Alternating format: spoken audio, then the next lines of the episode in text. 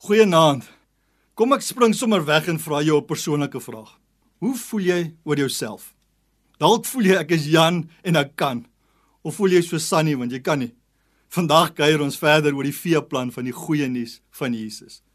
Die eerste vee was vir vryspraak in plaas van veroordeling. Die tweede vee was vir versoening met God in plaas van vervreemding. Vandag wil ek met ons kuier oor die derde vee.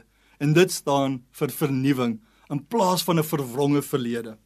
2 Korintiërs 5 vers 17 sê: Daarom as iemand in Christus is, is hy 'n nuwe skepsel.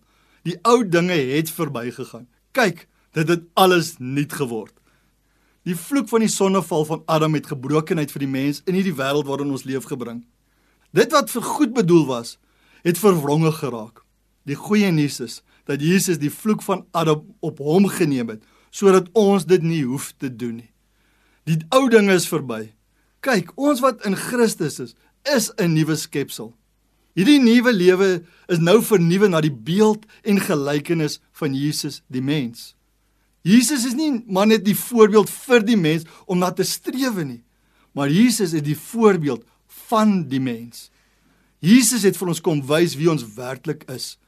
Jesus het as mens aarde toe gekom, al was hy ook deel van die godheid.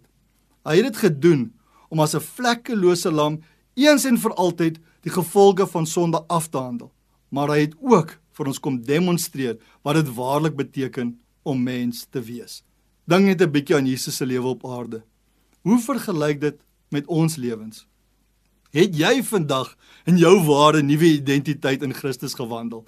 Met ander woorde jou nuwe mens of het jy maar net voortgeploeter in die gevolge van jou verlede? Die Heilige Gees is gestuur om aan ons te kom wys wie God is, maar ook om vir ons te kom wys wie ons is. Kies vandag vir Jesus. Kies om jouself in hom te vind. Dan sal jy sien die ou dinge is verby. Jy is 'n nuwe skepsel. Kom ons leef nou soos ons nuwe mens. Kom ons begin leef soos Jesus. Johannes 1 vers 12 tot 13. Aan almal wat hom egter aanvaar het, die wat in sy naam glo, het hy die reg gegee om kinders van God te word.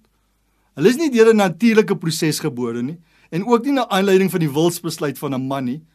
Hulle is uit God gebore. As 'n kind van God is jy nou 'n mede-erfgenaam van Christus. Ons is uit God gebore. Kom ons groei nou tot volwasse kinders van God. Kom ons bid saam. Dankie Here dat U my nuut gemaak het en dat ek 'n kind van God genoem kan word. Net soos wat U oor Jesus gesê het, dit is my geliefde seun in wie ek welbehaag het. Amen.